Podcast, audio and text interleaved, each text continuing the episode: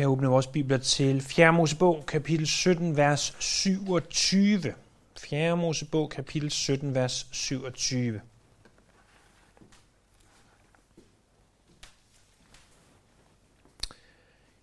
Sidste onsdag så vi, hvordan at folket, og i særdeleshed Kora og hans flok, stillede spørgsmål til, hvorfor det skulle være Aaron, og hvorfor det skulle være Moses, og hvorfor det skulle være den slægt, som var præsterne.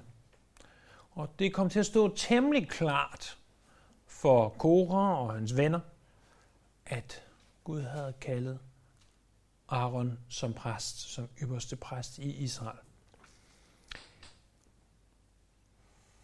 Det blev slutligt bekræftet af Aarons blomstrende stav, hvor de tog den her mandel gren, som de lagde frem for Herren, og den over natten fik blomster og ikke mindst også frugt og blade. Og det blev altså tegnet på, at det var sandt, at Gud havde udvalgt Aaron til at være øverste præsten. Oven på det, så bliver vi nu i kapitel 18 givet en opsummering af de pligter og privilegier, som præsterne er givet. Og vi skal i hvert fald forhåbentlig se på øh, kapitel 18 og kapitel 19 i dag. Så vi stoppede sidste gang ved vers 26 kapitel 17 og fortsætter nu ved vers 27. Her står der, men israelitterne sagde til Moses, vi omkommer, vi går til grunde, vi går alle sammen til grunde. En hver, der kommer herrens bolig nær, dør. Vi skal vi omkomme alle sammen. Det siger de selvfølgelig, fordi at Korah og hans flok, de er døde. Det siger de også, fordi at efter at Korah og hans flok var døde, så begynder folk at brokse over, hvorfor spærrede du jorden op, øh, åbnede jordens gab og slugte Korah og hans flok. Og det gjorde altså, at herren slap sin vrede løs imod dem, og at 14.700 mennesker blev ramt af en plage. Men nu, efter det med Arons staver, efter at det nu står klart, at Aaron er den udvalgte ypperste præst, så siger folk, at vi tør jo ikke engang komme nær til tabernaklet. Vi tør ikke engang komme nær til Herrens bolig længere. Og hvad så? Hvordan skal vi klare det her? Så står der så, kapitel 18, vers 1-7, Da sagde Herren til Aaron, du og dine sønner skal sammen med dit fædrene hus have ansvaret for helligdommen, og du skal sammen med dine sønner have ansvaret for der, jeres præstetjeneste. Du skal også lade dine brødre leve i stamme, din fædrenes stamme træde frem sammen med dig.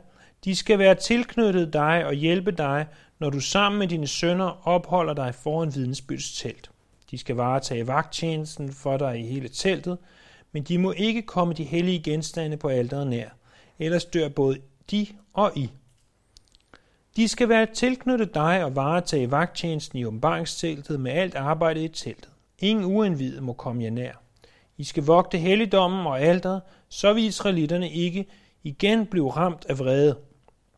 Nu har jeg ud af israelitternes midte udtaget jeres brødre levitterne som gave til jer. De har overgivet, de er overgivet til Herren for at udføre arbejdet i åbenbaringsteltet. Men du og dine sønner skal forrette jeres præstetjeneste i alt, hvad der har med alteret at gøre, og med det, der er inde bag forhænget. I skal udføre selve tjenesten. Jeg giver jer præstetjenesten som gave men den uindvidede, der kommer nær, skal lide døden. Det første vi ser, det er, at Herren sagde til Aaron. Og det er altså unikt. Vi kommer til at se det igen i vers 8, og vi kommer til at se det igen i vers 20. Men udover det ser vi kun det et eneste sted i det gamle testamente. Øh, det er i 3. Mosebog kapitel 10, vers 8. Ellers taler Herren altid til Moses eller til Moses og Aaron. Og det her, det er altså et tydeligt bevis på, at Gud han stadfæster Aarons tjeneste som ypperste præst. Der står, at de skal tage ansvaret for tabernaklet. I skal have ansvaret for helligdommen. Sammen med dine sønner skal I have ansvaret for præstetjenesten. Øh, jeg kan godt forstå, hvad man mener med ordet ansvar. Øh, vi kan sige, at, at nogen har ansvaret for lovsangen, eller nogen har ansvaret for, at der er kaffe, eller har ansvaret for børnekirken. Og det er jo selvfølgelig, øh, afhængig af hvad tjeneste det er, øh, et relativt seriøst ord at have ansvaret for noget. Men ordet ansvar er slet ikke stærkt nok for, hvad der egentlig menes her. At hvis vi ser på en engelsk oversættelse, altså et skille engelske oversættelser, er ordet iniquity. Og det hebraiske er, er on. Pointen er, at de har the iniquity of the tabernacle. Øh, altså, at de skal lide straffen. Vreden skal ramme dem, hvis de ikke tager sig af det. Det er ikke bare ansvaret, men det er, at straffen vil ramme dem, hvis der sker noget, som ikke skal ske ved tabernaklet. Og det, som er pointen, det er, at nu skal præsterne altså vogte tabernaklet, øh, således at ingen uindvidet, altså ingen, der ikke skal være der, kommer ind. Så det er altså en form for vagttjeneste, vi taler om her.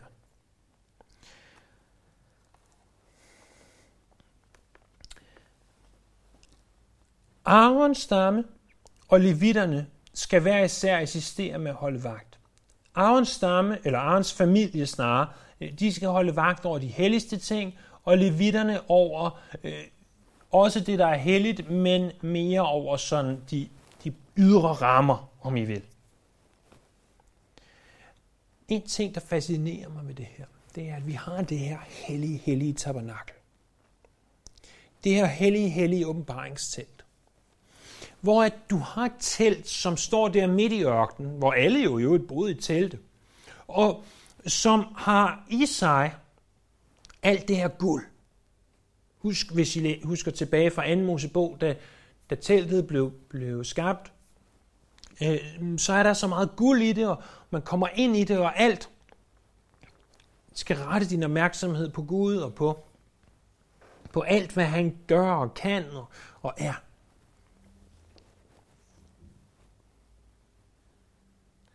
Og så kan du gå ind, hvis du er ypperste præst, en gang om året til det allerhelligste. Og det har Gud selv taget bolig på pagtens ark.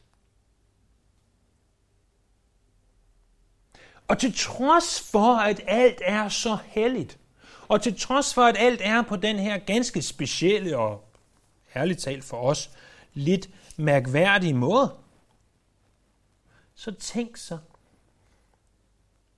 at midt i denne hellige tjeneste, der kan der være synd. Der kan der ske ting, som ikke må ske. De kan komme det nær på en uheldig måde, de kan være uindvidet. Og at bare fordi noget er en hellig tjeneste, skal vi ikke tro, at synd ikke kan ske, og at synd ikke kan fremkomme. Og det ved vi jo selvfølgelig godt fra vores erfaring, når vi har set ud i verden og, og husket og øh, tænke efter og så videre, at der er store gudsmænd, der er faldet i synd. Og det er jo ganske, ganske tragisk, når det sker. Men lad os aldrig, venner, være så naive, at vi tror, at synd ikke kan ske der, hvor der også sker en hellig tjeneste. For det kan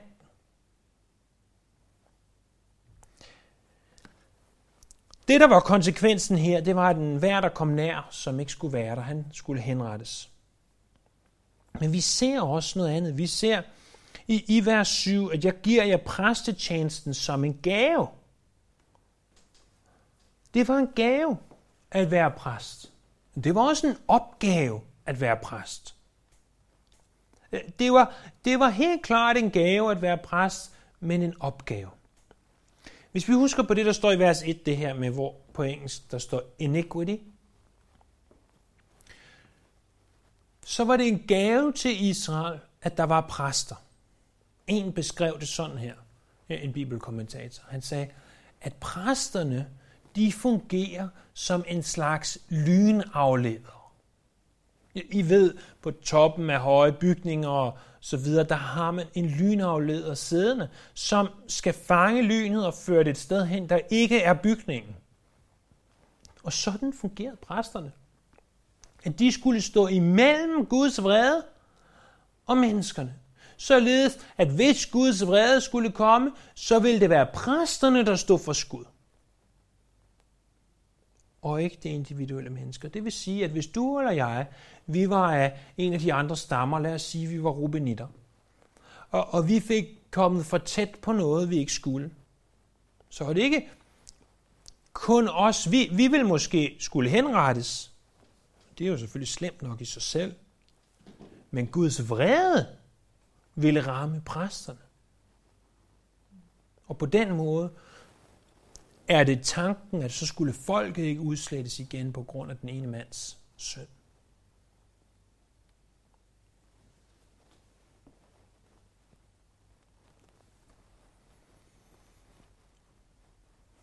Det er jo et soleklart billede for os på, hvad Jesus han gør for os. At han er, undskyld mig, hvis det er for, der er for banalt, men nogle gange kan jeg godt lide det banale, for at min forståelse må blive dybere. Han er vores lynafled. Prøv at høre, i det han hang på det kors, kunne vi have forestillet os, at lynet slog ned. Det tror jeg ikke nødvendigvis, det gjorde, som vi forestiller os det, selvom man godt kunne filmatisere det sådan. Men der var noget andet, der slog ned den dag. Det var Guds vrede. Guds vrede blev udøst over vores frelser. Så at du og jeg ved troen på ham aldrig behøver modtage Guds vrede. Jeg læste i dag at, øh, i en bog af J.C. Ryle, der hedder øh, The New Birth, om det her med at være øh, Guds arvinger, Guds sønner. At tænke sig, hvad det betyder for os. Det betyder,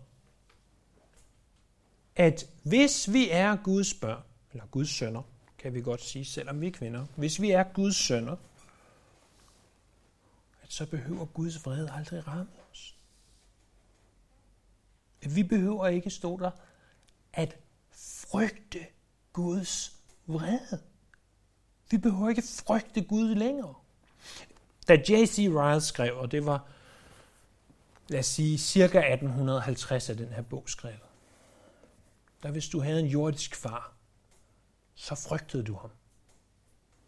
På den sådan bogstavelige måde, at hvis du ikke gjorde, hvad der blev sagt, så fik du tæsk.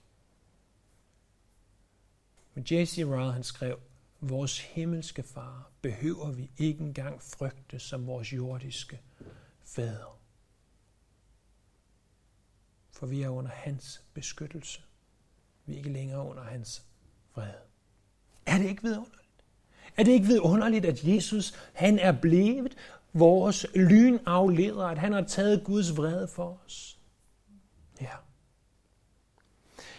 Det næste, vi ser i kapitel 18, det er præsternes løn vers, 18, øh, vers 8 til vers 19. Herren sagde til Aaron, der har vi den igen, nu overdrager jeg dig opsynet med alle de helliggaver, israelitterne bringer som afgift til mig. Jeg giver dem til dig og dine sønner øh, som jeres andel, en evig gyldig rettighed. Af det højhellige, der ikke skal brændes, skal dette tilfælde dig alle deres gaver i form af afgrødeoffre, sønderoffre og skyldoffre, som de giver mig. Det er højhelligt, det tilfælder dig og dine sønner. Du skal spise det på et højhelligt sted. Alle mænd må spise det. Du skal regne det for helligt. Som afgift af alle israelitternes gaver skal deres svingningsoffre tilfalde dig. Jeg giver, øh, dem giver jeg dig og dine sønner og døtre som en eviggyldig rettighed. En hver i dit hus, der er ren, må spise det. Jeg giver dig alt det bedste af olien og alt det bedste af vinen og kornet, den første grøde, man giver Herren, den første afgrøde af alt det, der vokser i landet, den man bringer til Herren, skal tilfalde dig. En hver i dit hus, der er ren, må spise det. Alt, hvad der er lagt band på i Israel, skal tilfalde dig. Af alt levende, man skal ofre til Herren, skal det første, der kommer ud af moderlivet, tilfalde dig. Det gælder både mennesker og dyr. Dog skal du frikøbe det første fødte menneske, og ligeledes skal du frikøbe det første fødte af urene dyr. Dem, der skal frikøbes, skal du frikøbe efter taxeringen, når de er en måned gammel, fem shekel efter helligdommens vægt, en shekel af 20 gerar. Men førstefødte okser, får eller geder må du ikke frikøbe, de er hellige. Deres blod skal du stænke på alteret, og deres fedt skal du brænde som et offer, en livlig duft fra Herren. Men deres kød skal tilfalde dig. Det skal tilfalde dig ligesom svingningsbryststykket og det højhellige lårstykke. Alle de hellige afgifter, som israelitterne yder Herren, jeg giver jeg dig og dine sønner og dine døtre hos dig som en eviggyldig rettighed. Det skal være en evig saltpagt for Herrens ansigt for dig og dine børn hos dig. Præsterne, de gives altså den del af offrene, som ikke skulle brændes. Det har vi egentlig allerede set på tidligere, det her, tilbage øh, i 3. Mosebog i særdeleshed.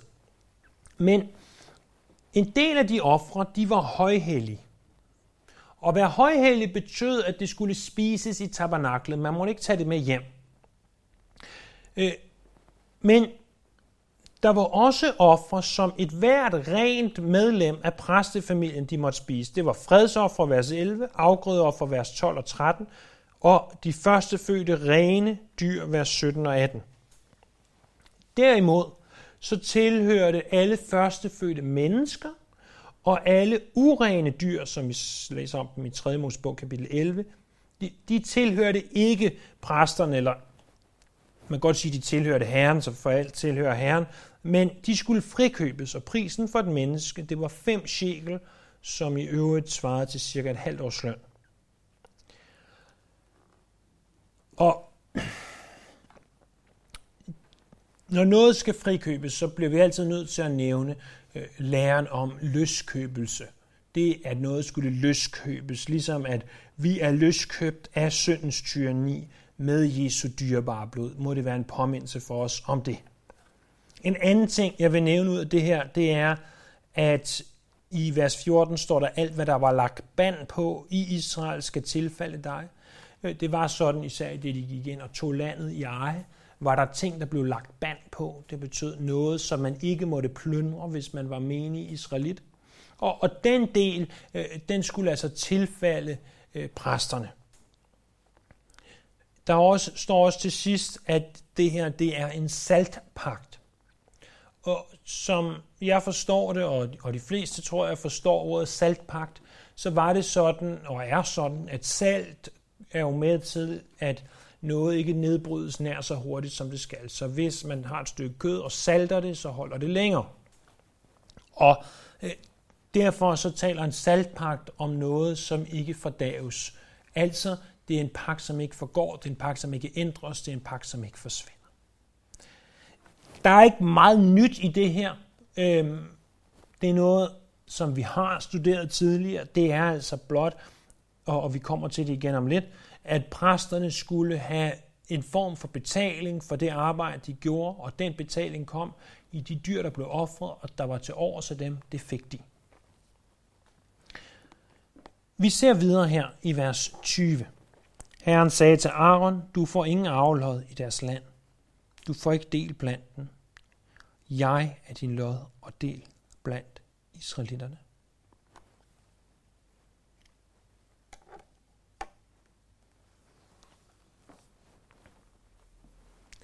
Når jeg læser de fem Mosebøger, og i særdeleshed anden til femte Mosebog, så får jeg nogle gange den forkerte tanke, som Kora også fik. Gav vide om Moses, som var levit, og om Aaron, som var levit. De bare fandt på, at Gud sagde det her til dem. At de skulle være præsterne, så de kunne få alt det her gratis mad. Og det var selvfølgelig det, vi så sidste gang, at det er ikke tilfældet, fordi Gud stadfæstede, at det ikke var tilfældet. Men hvis en ting beviser, at de ikke bare selv fandt på det, så er det det her. For hvad var det, der var deres mål? Det var at drage ud af Ægypten. Rejse 11 dage igennem ørkenen, og så derefter gå ind i Israels land. Rejsen blev ganske meget længere end de 11 dage. Men i det de så kom ind i landet, så var det jo deres tanke at tage det land i besiddelse. Men Gud siger, Levis stamme skal ikke have noget avler. De skal ikke have et bestemt sted at bo, for jeg er deres lod.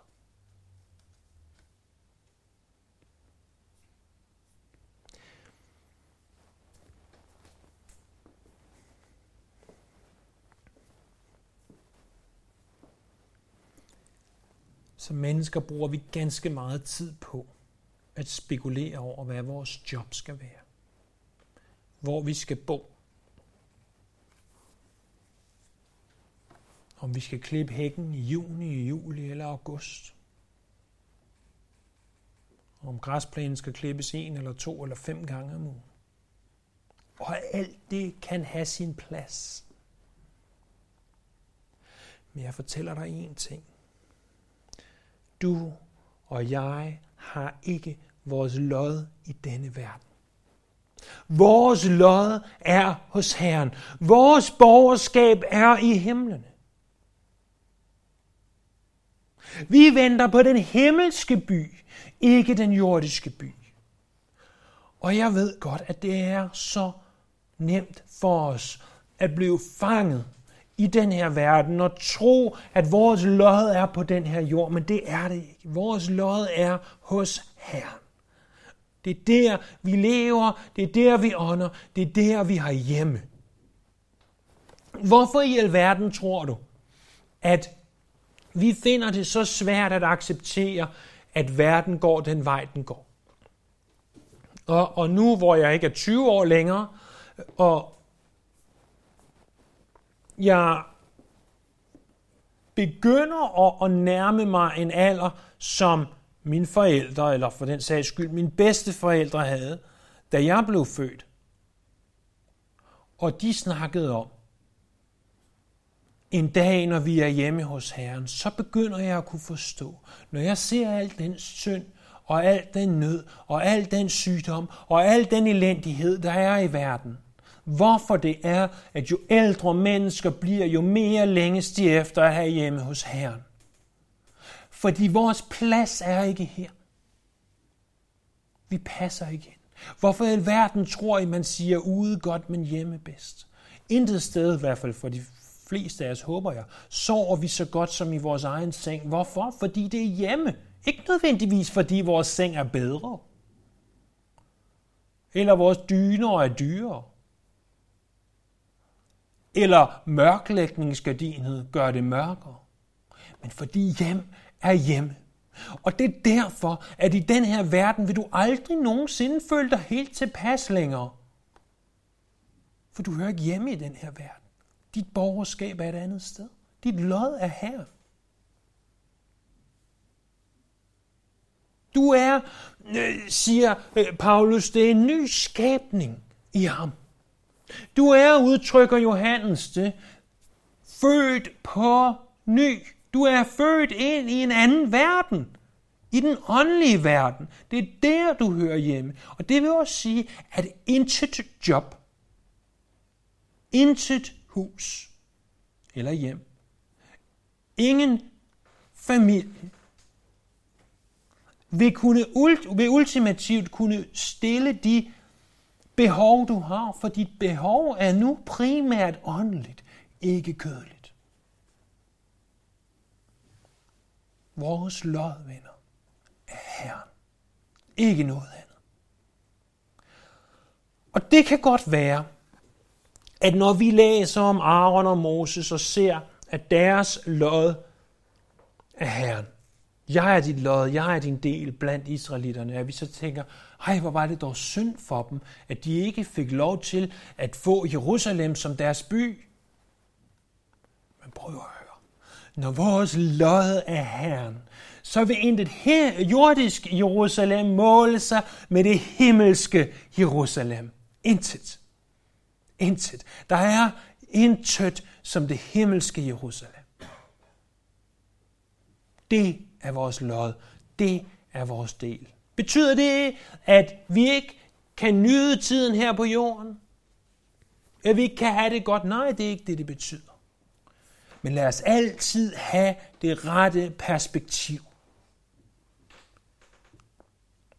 Hvis I stadig kan huske, hvordan det er at være på ferie, det begynder snart at være en svag fortid. Så når vi er på ferie, så nyder vi det jo også. Det håber jeg, du gør, ellers er det en lille smule spild. Øh, så, så du tager på ferien, og du nyder det. Og, og du gør ting, som du måske ikke normalt vil gøre derhjemme. Det kan være, at du hopper i en pool sammen med en masse andre mennesker, eller du sætter dig ned og læser en bog, du ikke tager dig tid til derhjemme, eller du tager på sightseeing, eller spiser mad, som, som du normalt aldrig ville vælge at spise derhjemme. Eller du bruger mange flere penge på en uge, end du vil bruge på tre måneder derhjemme, måske. Og du nyder det. Det er okay at nyde ferien. Men en ting er ferien, en anden ting er dagligdag. Og lige nu, der er vi på ferien. Men når det kommer til vores åndelige liv, så kan det godt være ude af godt, og det er der, vi er nu. Men hjemme er altså bedst. Vores lod er Herren. Videre i vers 21. Levitterne giver jeg alt tiende i Israel som arvelod, til gengæld for det arbejde, de udfører i åbenbaringsteltet, så israelitterne ikke mere skal komme åbenbaringsteltet nær og pådrage sig skyld og dø. Levitterne skal udføre arbejdet i åbenbaringsteltet, og de skal have ansvaret for det. Og det skal være en eviggyldig ordning for jeres slægt efter slægt. Blandt israelitterne skal de ikke have arvelod, for den tiende israelitterne yder, Herren som afgift, giver jeg levitterne som aflod. Derfor har jeg sagt til dem, at de ikke skal have aflod blandt israelitterne.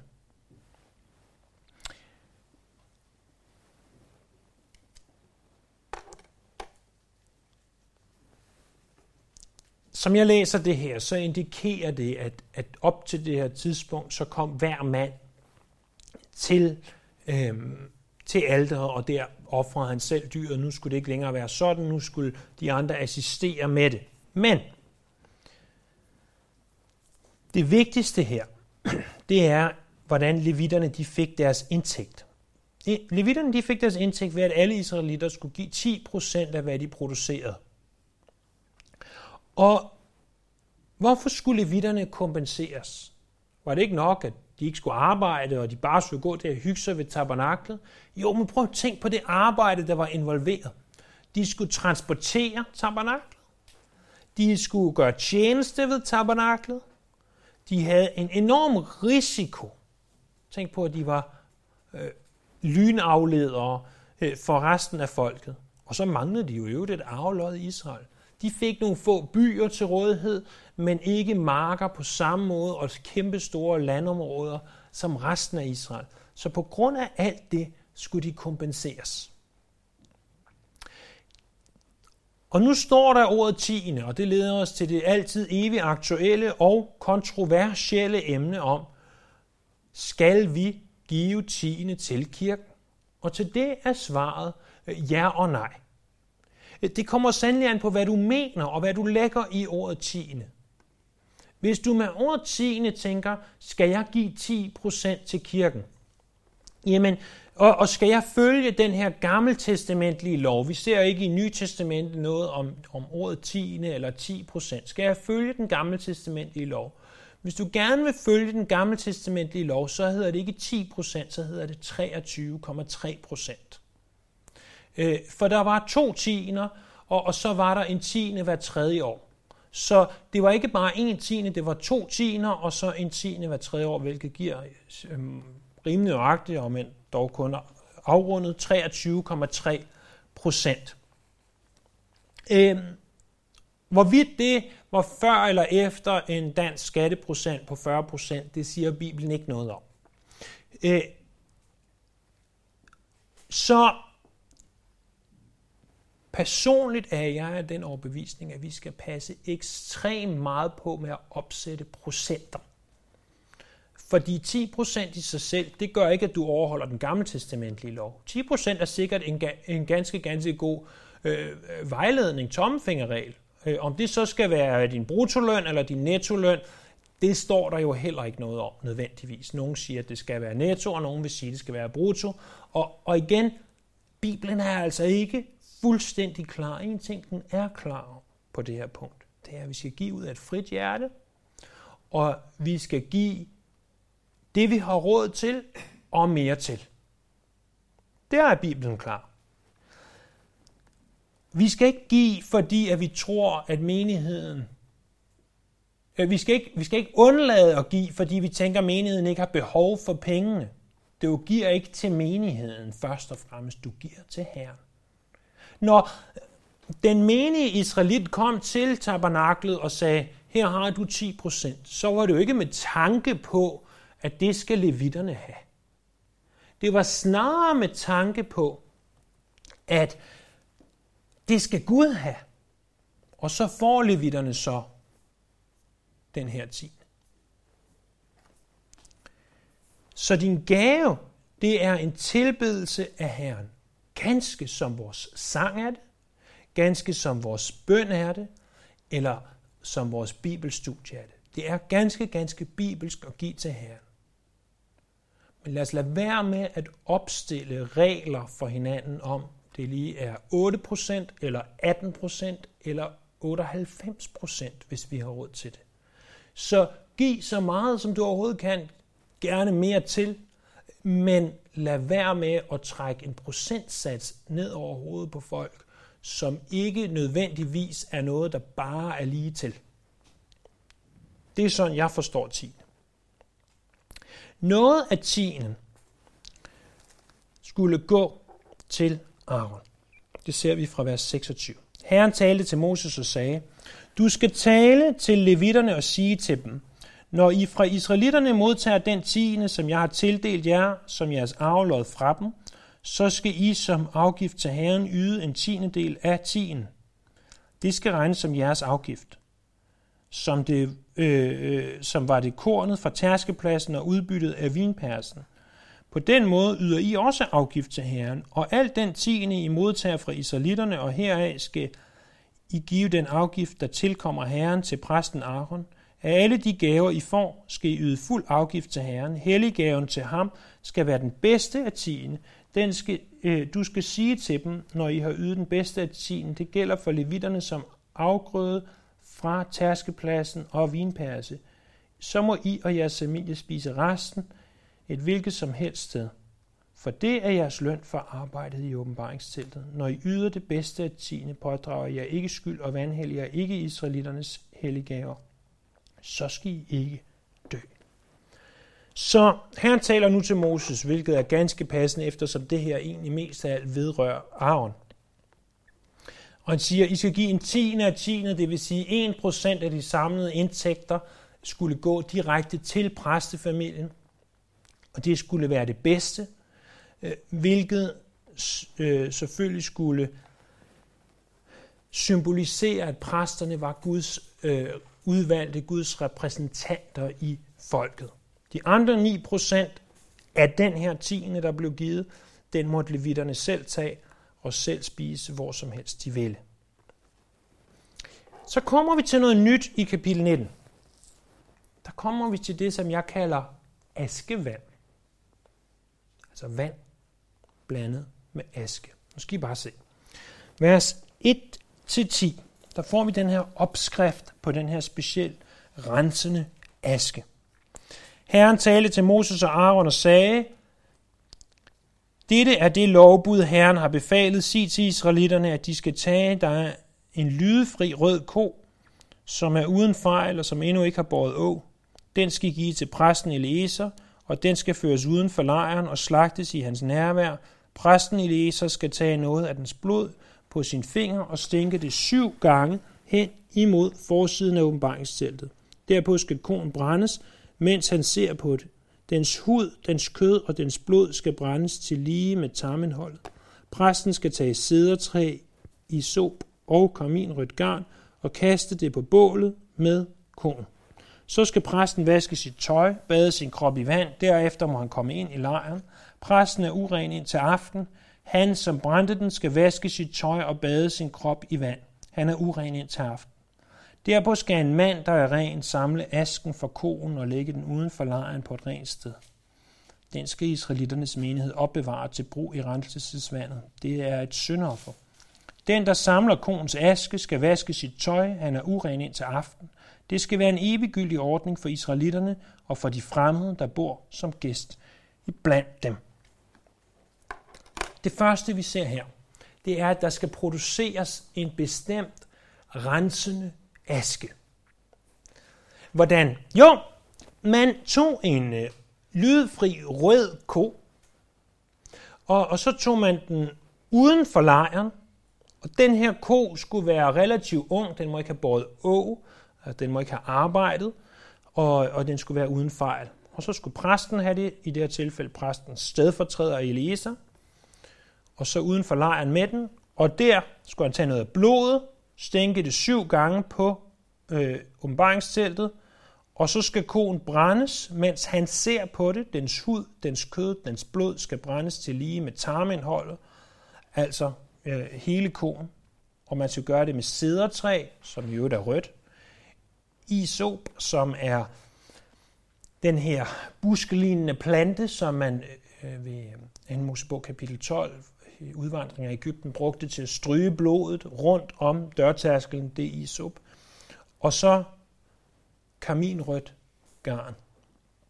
Og så skal de kaste på bålet sammen med konen. Prøv lige at lægge mærke til, hvor mange gange, at der er noget rødt. Der er en rød ko, der er øh, det her sidertræ, som er rødligt i farven, og der er kaminrødt garn. Alt det er rødt. Det er der en god grund til. Og der er selvfølgelig også selve blodet, der bliver stænket på alteret, er jo naturligvis også rødt, medmindre det var en kongelig ko, så kan det være, det var blåt. Øhm, men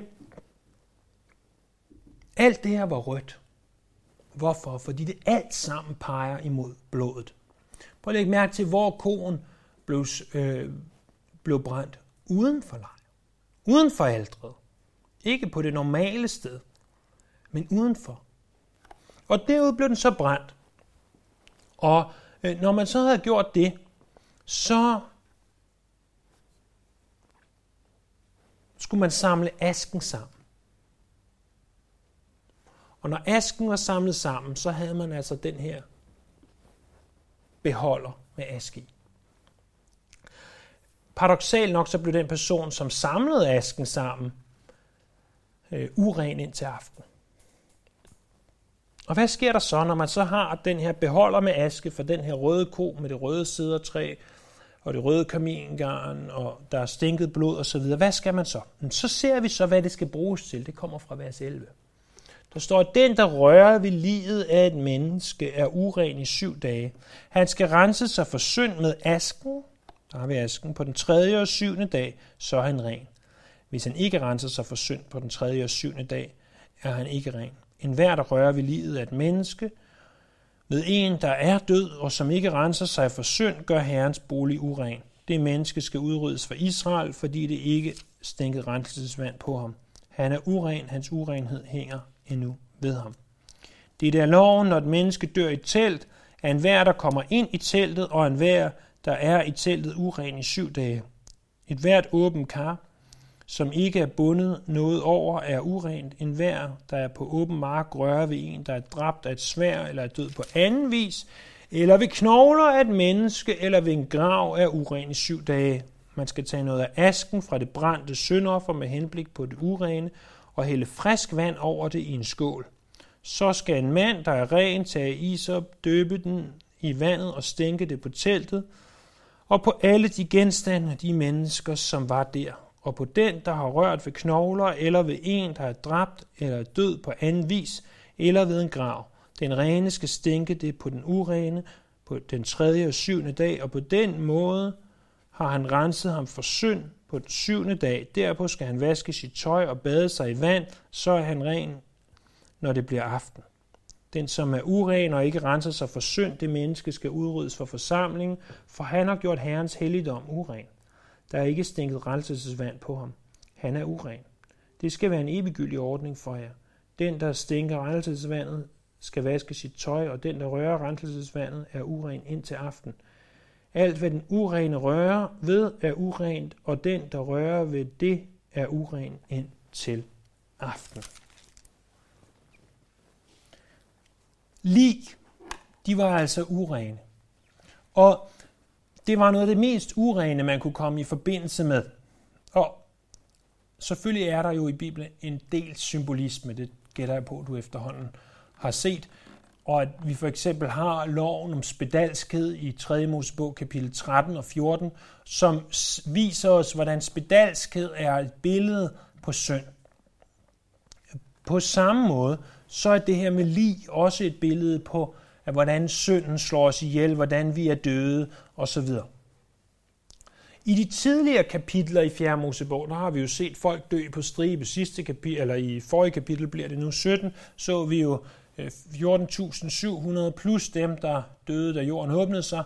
Øh, og, og der er altså i hvert fald en del af dem her, som skulle samles sammen, og det vil sige, nu skal de få at vide, når vi rører ved det, der er dødt, når vi rører ved det, der er urent, hvordan skal vi så forholde os? Det her det bliver naturligvis en illustration af, at syndens løn er død. Syndens løn er død. Det gør os uren. Synden gør os uren. Hvordan, hvad gør vi ved det? Vers 11-13, det gav os den overordnede forklaring, og vers 14-22, det giver os lidt flere detaljer. Men det, man egentlig skal, det er, at hvis man har rørt et liv, så skal man lave det her renselsesvand. Altså man skal tage asken fra vers 1 til 10, fra den her røde ko, og det skulle man blande op med noget vand, og det skulle man så stænke på personen den tredje og den syvende dag. Og det var altså, hvis I, hvis I kender det her Nescafe og de her der instant coffee, man har, ikke? Så hvor man bare kan tage noget pulver og noget varmt vand, og så pludselig så har man kaffe, eller i hvert fald noget, der minder om det, øh, og, og så kan man drikke den her kop kaffe lynhurtigt. Det skal ikke stå og brygge og trække og alt muligt. Det, det er klar på et øjeblik. Det er instant. Det her var en slags instant renselsesmetode. Fordi du havde asken på lager allerede, så vand, aske, så var der noget, der kunne rense. Det, det var sådan set tanken. Øh, og personen gjorde man altså, der havde rørt ved et liv var uren. Hvis han gjorde det den tredje og den syvende dag, så kunne han så ende med at blive gjort ren igen. Og, og vi har de her lidt øh, anderledes regler om, at hvis han rører noget uren, så bliver det uren, og hvis nogen rører noget af det, han har rørt, så bliver den person også uren indtil aften. Og det er en evig gyldig ordning. Og det er altså meget godt. Men, husk nu, hvordan at loven og profeterne fortæller os evangeliet på forhånd. Det vidner for os om, at der er noget bedre i vente. At evangeliet kommer. At det er der. Det er ikke klart og tydeligt altid, men det er der. Og hvis I engang her til slut prøver at se i Hebræerbrevet, kapitel 9, så læser vi sådan her.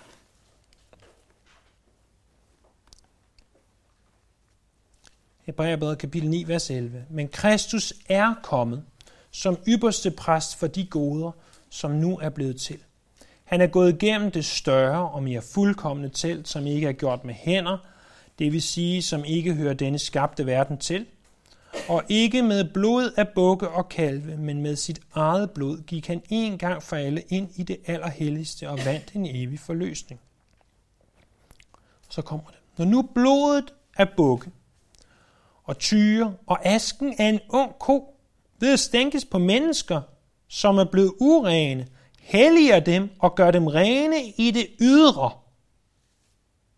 Så må Kristus, der er i kraft af en evig ånd, frembar sig selv som et lydfrit offer til Gud, med sit blod langt bedre kunne rense vores samvittighed fra døde gerninger, så vi kan tjene den levende Gud.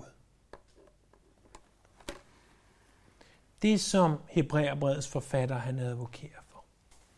Det er, han siger, når nu man i det gamle testamente kunne tage blod fra bukke, og man kunne tage asken fra en ung ko, som vi ser det her i, i øh, vores kapitel til i dag. Når man kunne gøre det, og det kunne gøre mennesker, der var urene, rene. Hvor langt bedre, siger han, tror I så ikke Jesu blod er?